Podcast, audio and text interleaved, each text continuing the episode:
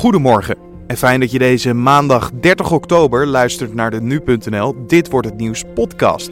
Mijn naam is Carne van der Brink en ik zal je in 10 minuten bijpraten over het nieuws van nu, de zaken die verder deze dag te gebeuren staan en we hebben een mediaoverzicht voor je vandaag. Zometeen aandacht voor de winst van Max Verstappen en de vredesgesprekken over Syrië gaan weer verder. Maar eerst het belangrijkste nieuws dit moment. Het vliegveld van het Duitse stadje Bremen is gesloten nadat zondagavond een privévliegtuig van de baan was geraakt. Bij het ongeval raakte niemand gewond. Vluchten richting Bremen worden omgeleid naar omliggende luchthavens. SC Twente heeft Gertjan Verbeek aangesteld als nieuwe trainer. De 55-jarige Verbeek wordt ook technisch manager van FC Twente. In een loods op industrieterrein Liesbos in Nieuwegein heeft een grote brand gewoed waarbij plaatselijke asbest is vrijgekomen. De veiligheidsregio Utrecht meldt dat de verspreiding van de asbest zich beperkt tot het terrein zelf. Er is geen risico op besmetting voor de inwoners van Houten, waar de rook ook overheen trok. Rond 1 uur was de brand onder controle. Huishoudens die eigenaar zijn van hun woning zijn vaker tevreden over hun woonomgeving en woning dan bewoners van een huurhuis. Dit blijkt uit een analyse van het Centraal Bureau voor de Statistiek. Van de eigen woningbezitters was 94% tevreden met de woning ten opzichte van 77% van de huurders. En dan kijken we naar het nieuws van vandaag, oftewel dit wordt het nieuws. We moeten toch eventjes teruggaan naar de zondagavond, de Grand Prix van Mexico.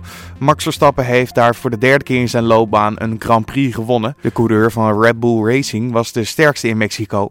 Lewis Hamilton kroonde zich ondanks een negende plaats voor de vierde keer tot wereldkampioen. Wij vroegen aan onze Formule 1-kenner en nu redacteur Joost Nederpelt wat hij van de race vond. Nou, het was eigenlijk een redelijk saaie race, zo eerlijk moeten we zijn. Want uh, in de eerste bocht was het uh, ja, min of meer al beslist. Dus door uh, een duel tussen Lewis Hamilton en Max Verstappen en Sebastian Vettel. Die als uh, eerste, tweede en derde starten. En Verstappen die pakte in de eerste bocht de leiding over van Vettel.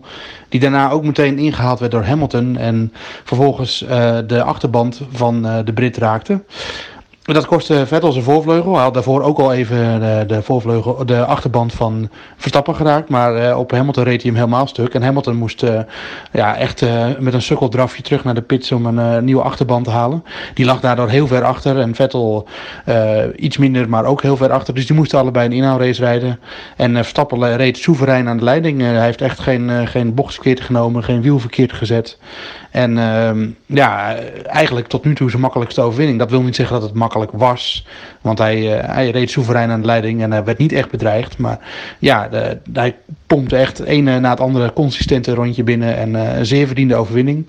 Uh, en Vettel die werd uiteindelijk vierde. die kon ook niet meer het podium halen wat hij wel nodig had. Dus ehm, ja, uh, verdiende overwinning voor Verstappen. En ook of we nu Hamilton als een groot coureur mogen categoriseren. Nou, Hamilton hoorde eigenlijk al bij de grootste coureurs alle tijden. Maar uh, nu met deze vierde wereldtitel heeft hij echt een uh, select groepje bereikt van mensen met, met vier of meer wereldtitels. Waar overigens ook Sebastian Vettel aan toe behoort, die heeft er ook vier. Maar voor, Vettel, voor Hamilton is dit wel de, de mooiste, heb ik het idee. Omdat Hamilton dit jaar echt tegenstand had van, van Sebastian Vettel, die ook een paar races wist te winnen. Ehm, en het was echt een, in het grootste deel van het seizoen een strijd tussen Ferrari en Mercedes. En ja, door veel tegenslag bij Ferrari kon Hamilton het naar zich toe trekken. Maar daarmee doe ik hem eigenlijk wel tekort. Want uh, Hamilton heeft vooral de tweede helft van het seizoen een aantal zeer sterke races gereden. En kon ook heel vaak vanaf pole position starten door een heel sterke kwalificatie.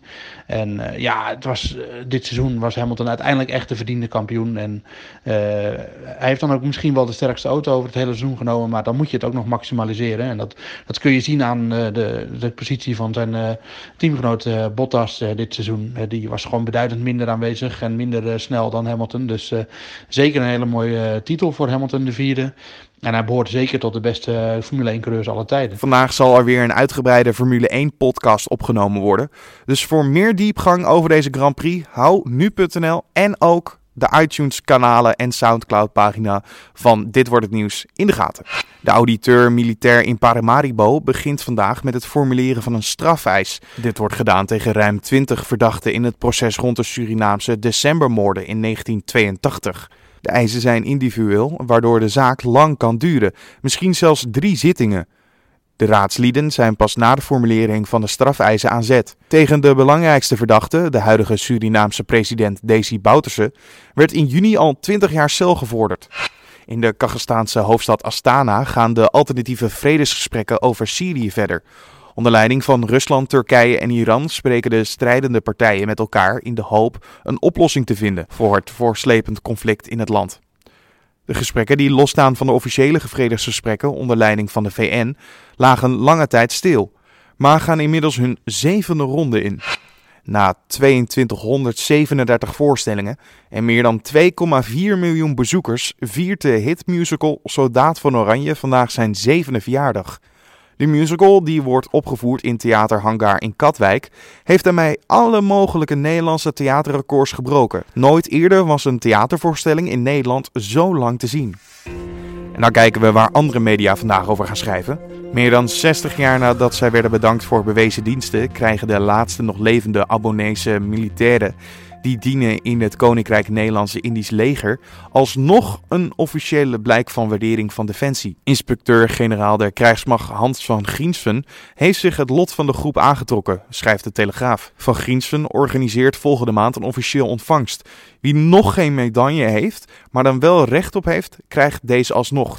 Dat geldt ook voor de veteranenstatus. In de ogen van de Molukse gemeenschap is het een historische doorbraak. Justitie begint met het dwarsbomen van verdachte webshops. Zodra er drie aangiftes van internetoplichting over een winkel zijn binnengekomen, worden betaaldiensten ingeseind. Dat meldt het AD. De betaaldiensten kunnen de rekeningen van verdachte webshops blokkeren. Zo kunnen er geen nieuwe slachtoffers meer worden gemaakt. Er wordt samengewerkt met 12 betaaldiensten en het Openbaar Ministerie.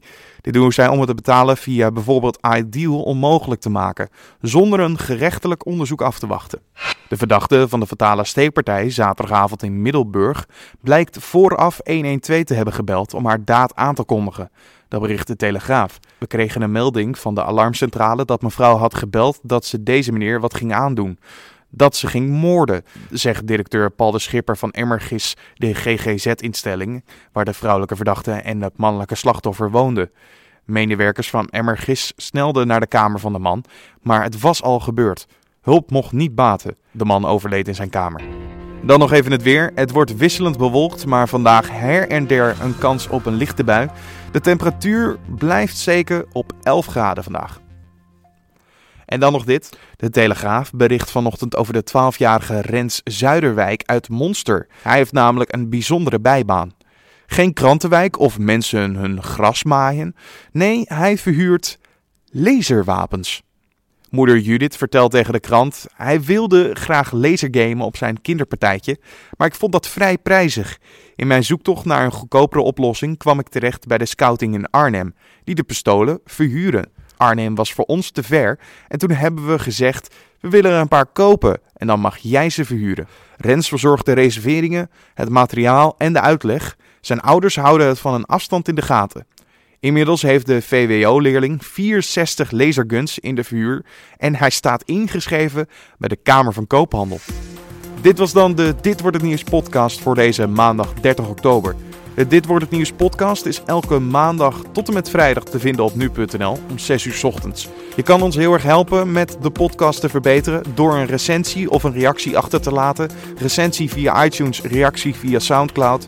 En daarbij help je niet alleen het beter te vinden voor anderen, maar help je ons ook weer de podcast elke dag een stukje te verbeteren. Dankjewel alvast. Namens het podcastteam van nu.nl wensen we jou een fijne dag en tot morgen.